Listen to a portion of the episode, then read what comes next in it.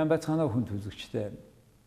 Өнөөдөр манай дефакто нэвтрүүлгийн зочноор боловсролын хамтын ажиллагааны нийгэмлэг гэж төрийн бус байгууллага байдаг. Тэрний гүйцэтгэх захирал ноён Батчааргал оролцож байна. Батгүйгийн Батчаргал боловсролын хамтын ажиллагааны нийгэмлэгийн гүйцэтгэх захирал. Батчаргал нь Хүмүүлгийн ухааны их сургууль, Америк нэгдсэн улсын Колумби их сургуулийг олон улсын боловсрол хөгжлийн магистрийн зэрэгтээ тус тус зогсжээ.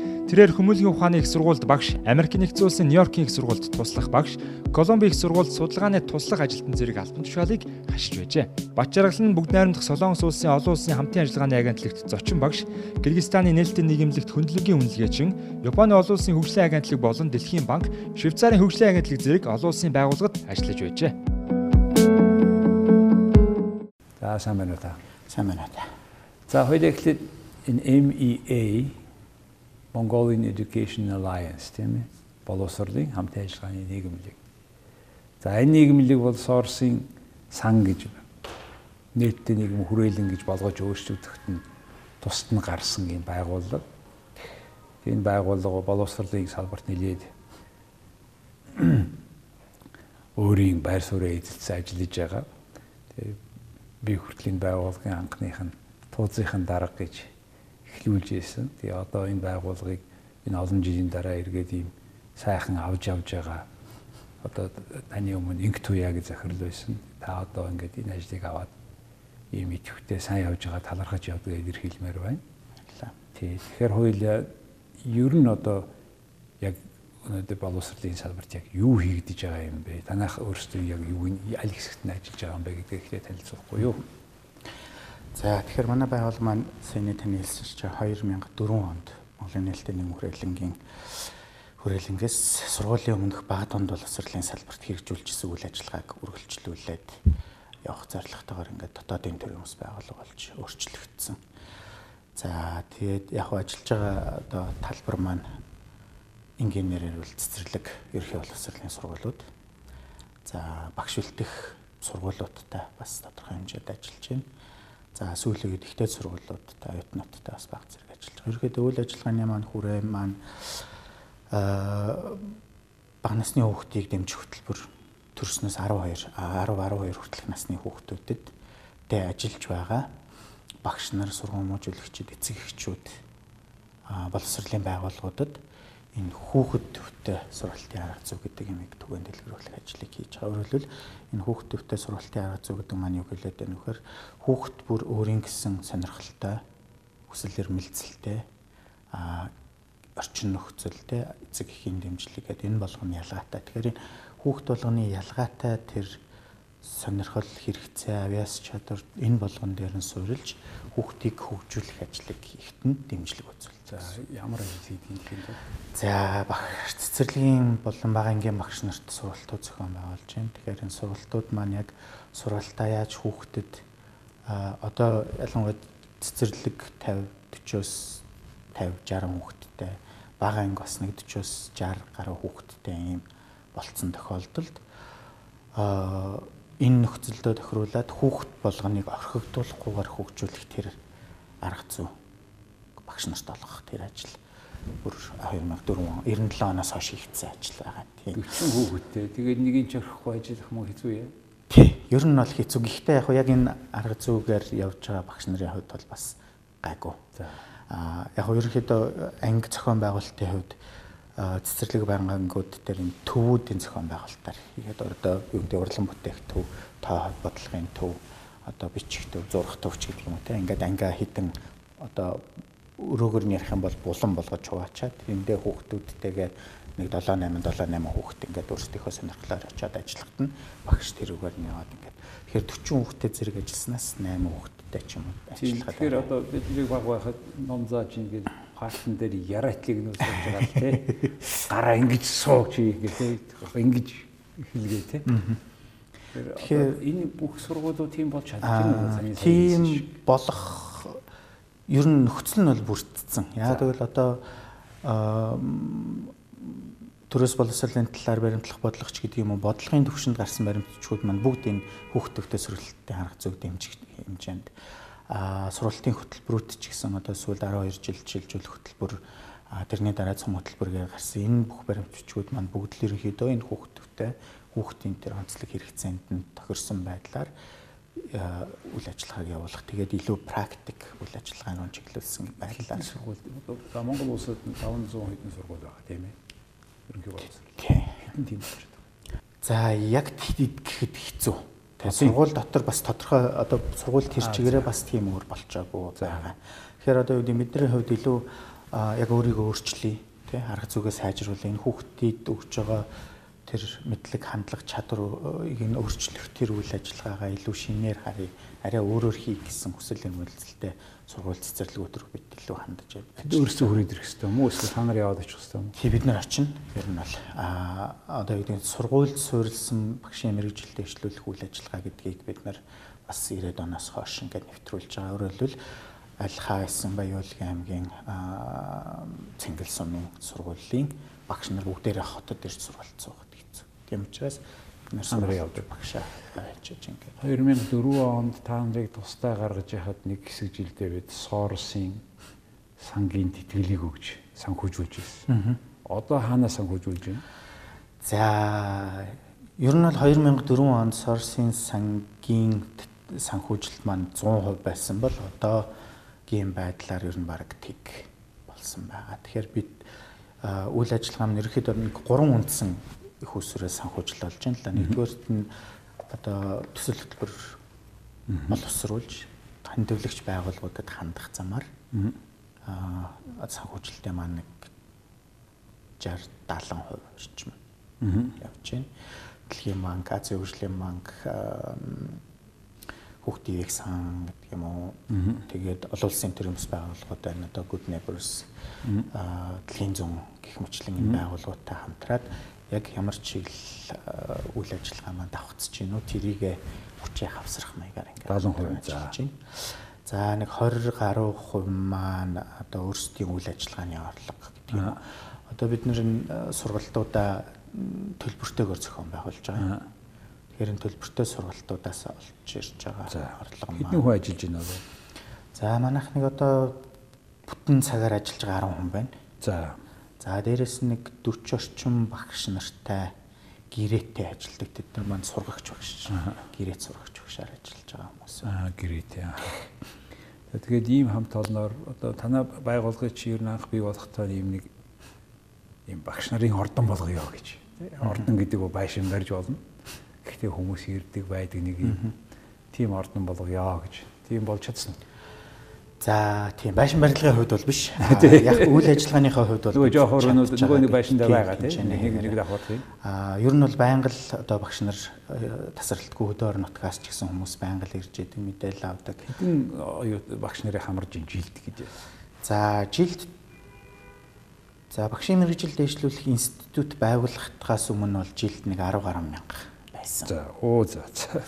А багшийн мэрэгжил дэвшлүүлэх институт байгуулагдаад одоо албан гэдэг юм уу те албан ёсны заавал суух сургалтуудаа өөрсдөө төвлөрүүлж авснаас хойш бол жил нэг 5-аас 6 мянган багш нарт сургалт. За зарим нь бол давхарцсан цоогоор явж байгаа. Зарим сургуулиуд маань жилд нэг 2 3 удаагийн цуврал сургалт авах байлаа. Энэ багшийн мэрэгжилдээ шүүх институтэйгээ өөртөө цуг юм байгаа биз дээ.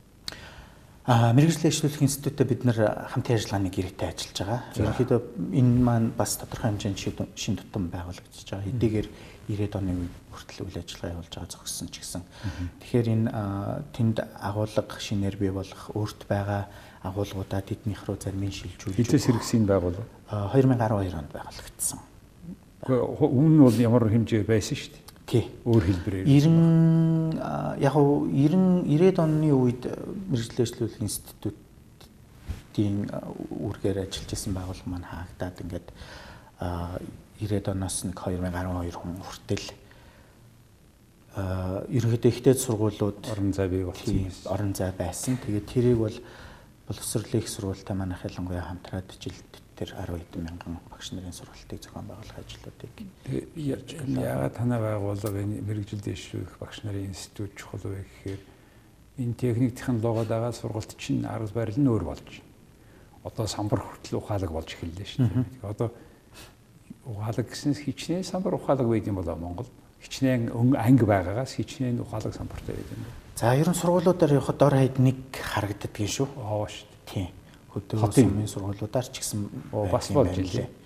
Тий яг мэдээж бүх сургуулиудаар бас явсан ч гэсэн тодорхой цаг хугацаагаар зарим дээр нь очиж ямжаагүй. Тэгэхэд ер нь сая одоо өнгөрсөн 7 хоног Сэлэнг аймаг орсон Сэлэнг аймгийн зүү хараагийн сургууль, Хушаатын сургууль гэл тэгэхэд тухайлаг самбартай байна лээ. За. За хоёул одоо шүү дээ би танаас та бүхэн боловсролын салбартах ёс зүй, ил тод байдал, авилгалын тухай ийм судалгаанууд ингээ хийгдээ. Тэгээд тодорхой төсөл хэрэгжүүлж байгаа. Энэ тухайгаа ярьж өгөөч. За тэгэхээр Азийн сангаас энэ авилгын тухай ойлголтын судалгаанууд ер нь хийдэг юм байна лээ. Тэгээд 2015 6 онд боловсролын салбар дах ил тод байдал ёс зүй авилгын талаарх ойлголтын судалгаа хийгээд тэгээд энэ дээр нь бид нар хамтарч ажиллаж байгаа. Эхний ээлжинд өнгөрсөн хичээлийн жил бид энэ судалгааг ерөнхийдөө энэ сургуулиудад танилцуулъя гээд нийслэлийн хэмжээний бүх сургуулиудад а хөдөө орон нутгийн нэг 10 аймгийн 60 70 гаруй сургуулиудад зарим нэг сумын сургууль ороод ингээд танилцуулгад хийсэн. Тэр судалгаа хийхэд нь оролцоогүй гарцсан судалгааг танилцуулж байгаа юм. Тэгвэл тэрнээс өмнө тэр судалгаа чи юу харуулсан? Юу ямар судалгааг хийгээд юу харуулж ийн гинэ? Аа. За тэр судалгаа маань ерөнхийдөө бол энэ боловсролын салбарт энэ ёс зүй ил тод байдал авилгын асуудал хэр байна вэ гэдгийг тандах олон нийтийн ойлголтын судалгаа. Тэг хүмүүс энийг юу гэж ойлгож байна вэ? Тэгээд энийг эцэг эхчүүдээс мөн боловсролын салбарт ажиллаж байгаа мэрэгчлэтнүүд төрийн албаны хүмүүстэй судлаач эрдэмтэд гэдэг энэ хүмүүсээс за ингээд судалгаа хийсэн. За ойлголтын ямар байна вэ гэж. За судалгаа юу харуулсан гинэ? За ерөнхийдөө боловсролын салбарыг шудраг байгаасаа гэсэн хүлээлт нэлээд өндөр байгаа. За а бусад олон асуудлуудтай харьцуулахад хэдийгээр одоо ингээд нөгөө ёс зүй авилгын асуудал аль салбарт аль чиглэлээр их байна уу гэд хүмүүсээс суухаар тэр чагсаалт донд нэлээд доогуур байх нь байгаа юм. Гэхдээ 5 онооны шкалаар үзэхээр 3 308 тай. Тэгэхээр тэр чинь бас өндөр байгаа гэсэн үг. Одоо газар гэдэг юм уу те бусад асуудлуудтай харьцахад доогуур мөртлөө боловсролын салбар маань юм аа. Гэтэл боловсролын салбар маань энэ иргэдэд ирээдүйн нийгмийн идэвхтэй гишүүн болох энэ иргэдэд нийгэмд амьдрах тэр одоо үндсэн суур тэр одоо дүрм журм гэдэг юм те тэр юмыг нь сургууль хичээл сургалтын болон бусад үйл ажиллагаагаа дамжуулж өгч явах хэвээр. Тэгээд нийгмийн тэр шудраг бус тэгш бус байдлыг арилгах гол зэвсэг нь боловсрал гэж үздэг. Гэтэл энэ салбар маань өөрөө олон нийтийн дунд ийм ойлголттой тэгш шудраг бус байдал их байна гэдэг ойлголттой байна гэдэг маань бас харамсалтай асуудал. Тийм учраас бид нар энэ асуудал руу орж энэ талаар олон нийт ялангуяа сургуулийн төвшөнд багш нар хүүхдүүдийн төвшөнд те цаашлаад эцэг эхчүүдэд энэ талын ойлголтыг өгөөд энээс цаашаа уламжлаад дараагийн шатны ажлуудыг хийх бол бас болохгүй юм байна гэдэг. За тэгээ ерөнхий боловсролын сургуулиудад танилцуулсан тийм ээ. Тэгээд Тэд нэр одоо энэ саяын ёс зүйн байдлыг сайжруулах, ил тод байдал, ил тод байдлыг нэвтрүүлэх, авилга багас авилга өгөхгүй байх гэх мэтэр сургууль болгон яад энэ тэр таныг сонсчоод тэгээд өөрөөсөө энийг багасгах бууруулна гэж төлөвлөдөг юм уу? Ямар юм болдё? Тий. А яг ерөөхдөө нөгөө сургуулийн нийт хүмүүст бас танилцуулахад тодорхой цаг хугацаа хэрэгтэй учраас бид нар сургууль болгоноос нэг 10 10 оны бүрэлдэхүүнтэй баг захирал менежер тэгээд нэг 8 багш гэдэг хүмүүс одоо багш нарын болж өгвөл одоо сургууль дээр нэг заа харгын нэгдэл гэдэг юм бүтцүүд байгаа юм. Тэр болгоноос нэг хүн. Тэгээд тэр нь очиод бусад багш нартаа энэ талаар мэдээлэл олголт өгөх зорилготой. Ингээд танилцуулчаад тэгээд хилцүүлэг өрнүүлж байгаа. Хилцүүлэг өрнүүлэх явцдаа энэ одоо одоо энэ судалгаатай санал нийлж байгаа хэсэгтээ энэ ер нь бодиттой байна уугүй юу? Аа тэгээд энэ чиглэлээр ер нь сургуулийнхаа төвшөнд юу хийж болох юм бол гэдэг анхны житний хэлэлцүүлэг хийгээд дараа нь нөгөө 10 хүн маань сургууль дээр очиод бусад багш нартай танилцуулаад хэлэлцүүлэг хийгээд энэ хичээлийн жилийн турш бид нэр энийг асууд энэ чиглэлээр ялангуяа авилгал ёс зүйтэй холбоотой чиглэлээр бол урьдчилан сэргийлэх ажил бол илүү үр дүнтэй байдаг. Тэгэхээр энэ урьдчилан сэргийлэх чиглэлээр олон нийтэд ойлголт өгөх төр сургуулийн хамт олон хүүхэд эцэг эхчүүдэд ойлгох чиглэлээр юу хийж болох вэ гэдэг төлөвлөгөө хийгээд тэр төлөвлөгөөг нь бид нар нийслэлийн боловсралтай боловсролын газартай хамтраад хүлээж аваад тэрийг үзэж танилцаад тэгээ энэ дундаасаа нэг 20 сургуулийг шилж аваад тэр 20 сургууль нь болохоор илүү одоо юу гэдгийг арай шинэлэг гэдэг юм уу те? Ийм ажлууд хийхээр төлөвлөсөн сургуулиуд байсан. Тэгэхээр энэ сургуулиудтай дэмжлэг үзүүлээд тэр ажлаа хийхэд нь бас бага хэмжээний одоо дэмжлэг үзүүлээ. Арга зүйн болон баг зэргийн санхүүгийн дэмжлэг үзүүлээд ингээд ажилласан. За тэгээ хийсэн ажлууд нь гэх юм бол зарим сургууль маань одоо сургуулийн дотоод журамдаа өөрчлөлт оруулсан байна. Одоо энэ ёс зүйтэй холбоотой, айлгатай холбоотой асуудал багш нарт хориглох зүйл заалтын зааж өгөөд аа тэгээд тэр шинээр одоо өөрчлөлт оруулсан сургуулийнхаа дотоод журмыг, дотоод дүрмийг бүх хүмүүстэй танилцуулаад гарын үсэг зурулаад ингээд авсан. Жишээлбэл одоо тэр дээр үед ч одоо тийм шарах хэмжээ болно ийм жарах хэмжээ болно эсвэл багшийн одоо бичсэн ном ч юм уу тэр номыг аавна ингээд их эцгээс мөнгө цуглуулад сургууль ингээд байсан. Тэр тухай ярьж штэ тийм ээ. Тэгэхээр яг боловсролын салбар ингээд э, тэр нөгөө судалгааны юг танилцуулж явж байхад э, одоо нэлээд нийтлэг гарч ирсэн нэг асуудал бол манайд өндөр түвшний авилга маш их байна. Боловсролын салбарт чинь бол одоо юу гэдэг биднэрт нэг набор цэцэг тиймэрхүү юм өгдөг. Гэтэл энэ асуудлыг яагаад ийм өндөр гаргаж тавиад байгаа юм бэ гэдэг асуудал бас нэлээд гарч ирж байсан байна. Гэхдээ ер нь бол нэг сургуулийн нэг үйл ажиллагааныхаа жилийн турш хийх ажлынхаа нэрлсэн нэр нь бас сан таалагдсан л да. Өгөхгүй, авахгүй гэдэг нэртэй. Их товчхон мөртлөө боломжтой тий. Тэгэхээр нөгөө ихч барьсан өмхий, багч барьсан өмхий гэж зөрүүг байдаг шүү дээ тий Тэгэхээр энэний өрөөнд ер нь л авилгаас урьдчилан сэргийлнэ гэх юм бол одоо нэг хомсолсаар хомсолсаар гэдэг шиг л юм болох учраас ер нь бол өгөхгүй байхгүй гэдэг л ойлголт байх хэрэгтэй. Яг энэтэй холбоотой сургууль байгууллагын их эцгийн зөвлөл гэж байна тийм ээ. Их эцгийн зөвлөл орж байгаа юу танай сургуультанд? Тий, эцгийн зөвлөлүүд орж байгаа. Тэгээ ялангуяа бид сургууль дээр энэ асуудлыг багш нарт яагаад илүү тавьж өгөөд байна вэхээр багш нараар дамжуулаад эцэг эхчүүдэд хүрэх боломжтой. Тэгээд сургуулийн захиргаанд орсноор мөн эцэг эхчүүдэд энэ талын ойлголтыг өгөх те. Одоо баярлсан талархалснаа илэрхийлж болно. Гэхдээ энийг өөр байдлаар илэрхийлээч. Тэр бэлэгсэлд өгөх юм а болооч гэдэг асуудал. Нэг а хоёрдугаарт нь янз бүрийн тэмдэглэлт үйл явдлууд болдог. Одоо төгсөлтийн баяр ч гэдэг юм багш нарын баяр гэдэг. Энэ үеэрээ бас багш нартай бэлгэх одоо дээш тишээ явж зугаалах, наргих гээл асуудлууд байдаг. Тэгээ энийг зэгцлэх арай өөр хэлбэрт оруулах. Тэгэхээр энэ 20 сургуулиудын дунд маань нэлээд хэдэн сургууль одоо тэр төгслийн баяраа хүүхдүүд өөрсдийнхөө сурсан мэднэ, мэдснэ эцэг эхчүүд сургууль багш нартай харуулдаг ийм үйл ажиллагаа болгож өөрчилж байгаа. Аа. Ийм тохиолдлууд байна. Гэхмэчлэн ингээд баг сагаар өөрчлөлтүүд гарч эхэлж байна л да. Тэгээд энэ сургуулиудынхаа туршлагуудаас орон даяар нөгөө захиалганд орцсон бүх сургуулиудын мэддэг нээлттэй сургууль гэдээ манахаас эрхлэн гаргадаг сар тутмын сонин байдаг. Энэ сониноороо дамжуулаад энэ тэргуун туршлагуудыг нь сайн туршлагуудын түгээх ажлыг өнгөрсөн жил бас хийсэн. Танай вебсайт дээр энэ юмнууд ч байдаг? Вебсайт дээр мэдээл вебсайт маань ерөөхдөө бас жоохон хуучирч байгаа. Тэгэхээр бид нар вебсайтаа сайжруулахдаа энэ илүү интерактив болох талын юмнууд гэж байгаа. А сонин маань бол яг интернетээр унших боломжтой байдаг. Сонин дээр тухайн тухай мэдээлэл байгаа. Мэдээлэл байна. Тэр сонин танай вебсайтнаас унших юм уу тустай юм? Тийм манай вебсайтнаас. Хүмүүс имэйлээр авч болох уу тэр сонин? А одоохондоо имэйлээр авах хөлбөрт бас юу яаж чадаагүй л байна тэр лэх э, хамгийн боломжтой юм манаас сонины бас те юг одоо энэ дефакто газет гэдэг үнгүү захиалаарэ гэж хэлэхэр 3 хил дээр гардаг. Тэгээ ороод хүмүүс одоо 12000 хүн авч ш тэр чинь имэйл.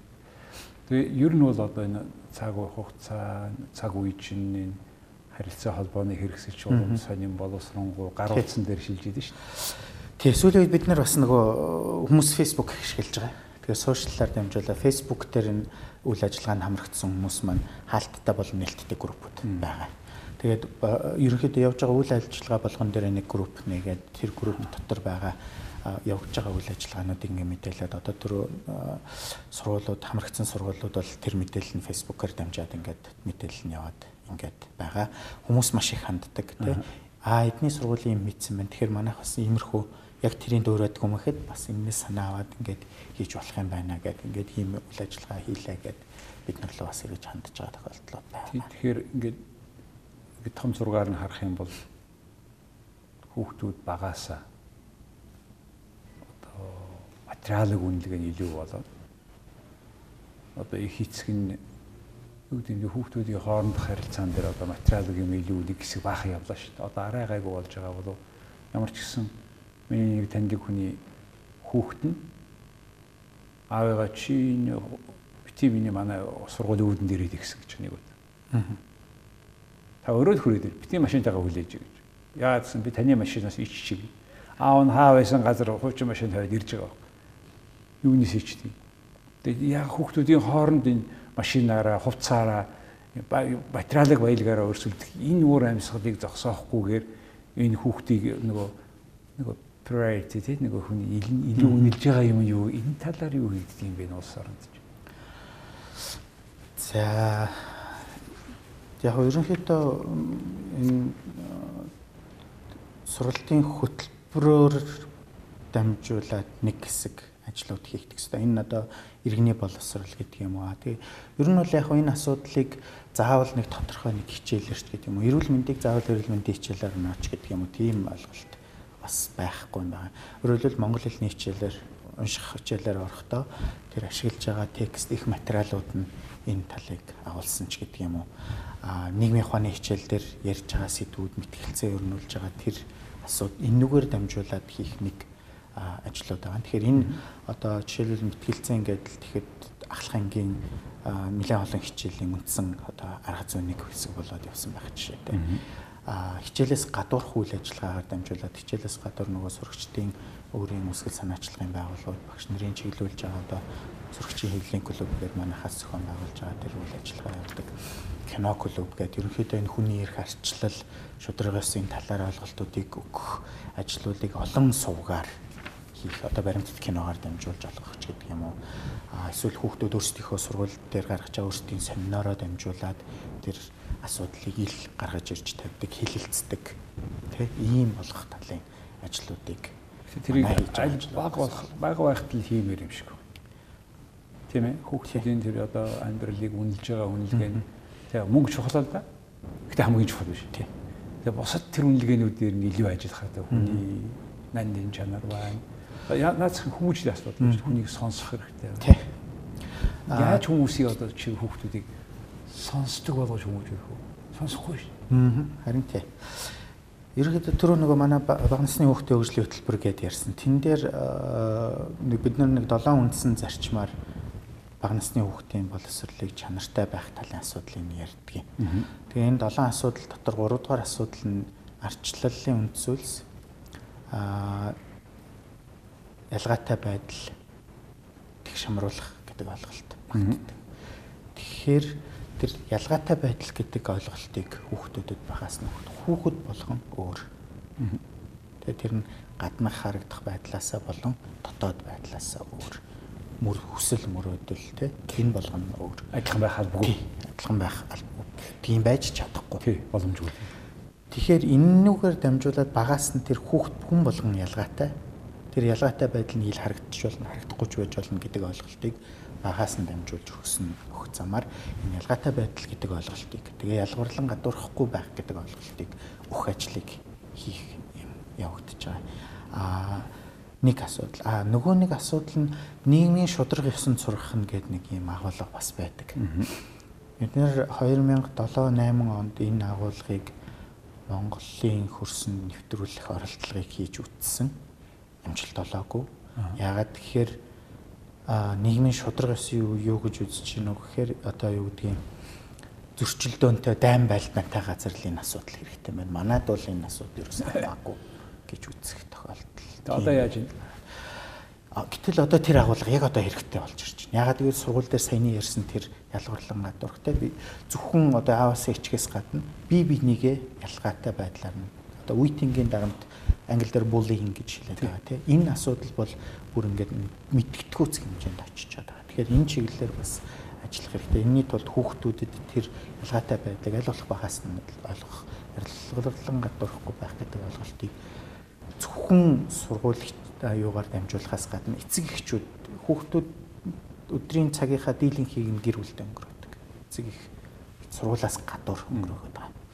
Ялангуяа одоогийн нөхцөл сургууль 3 жилээр хичээлж байгаа тохиолдолд сургууль дээр байх хугацаа 3 цаг үлдсэн. Яг энэтэй холбоотой шууд усаар эцэг эхчүүдэд энэ талын ойлголт өгөхтэй. Эцэг эхчүүд маань хүүхдийнхээ толино. Ялангуяа тэр одоо зүй ойлгохтой холбоотой асуудал гэр бүлийн эцэг бол их эцэг нь хүүхдийн тол юм уу хүүхдний их эцгийн тол юм уу? Аль аль нь байж магадгүй. Гэхдээ одоо хүүхэд бол насан туршидтыг харж тэднийг дуурайж яаж одоо хүмүүстэй харьцах уу те ямар үг хэлгэлгүй энэ болгон толгойлт. Тэгэхээр хүүхдүүд эцэг эхчүүд гэртээ болж байгаа яриа хөөрөө те тэрийг хүүхд анзаараагүй байсан ч гэсэн сонсч л байдаг. Сая дөнгөж сая нааш ярьж байхад BBC-гээр аав хүн бол нөө хүүг хүн болгох темплейт гэдэг байгаа буюу жишээ. Тэгэхээр танд миний хэлээд байгаа өөрөө байгаагаараа тэр чинь тэр хүүхдийг эр хүн болгох бүх юм суурь ээж хүн явахын даа. Тэгээ юу яг энэтэй холбогдуулаад санаа зовоож байгаа. Гэтэ сүүлийн үед аваа манай энэ цагтаагийн газар ч гэсэн оролцоод байгаа тэр нэг unfriend буюу энэ cyber bullying гэж яриад нь шүү дээ. Интернетээр хүүхдүүд бие бинийгээ дарамтлаж байгаа. Энэ асуудлыг яаж шийдэж байгаа юм бэ? Энэ дээр та бүхэн маань юу гэж оролцож байна?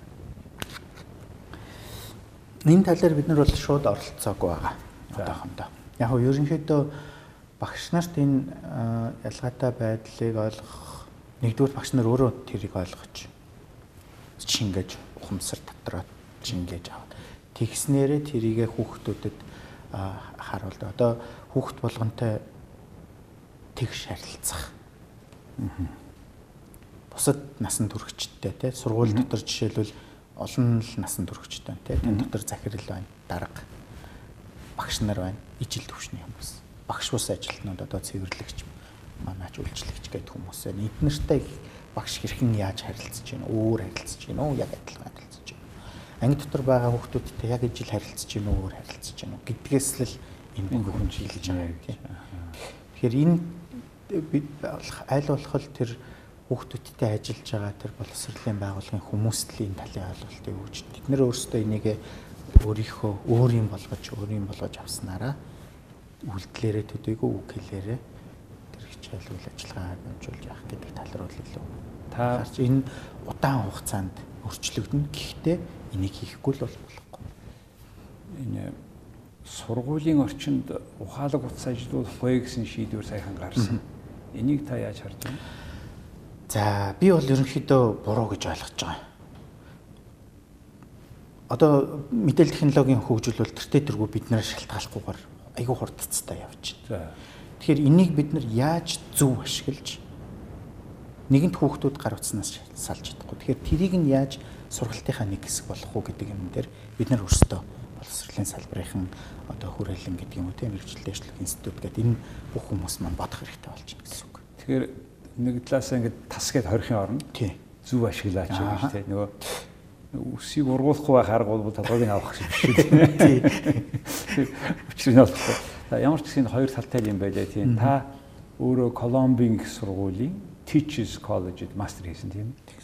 Тэгэхээр одоо энэ чиглэлээр манай бэлдсэн боловсролын салбарт ер нь мастер хийгээ буцаад боловсролынхаа салбарт ажиллаж байгаа хүн багасчаад идэг юм аас нэг зовлон бий. Цалин мөнгнөөс хамаа.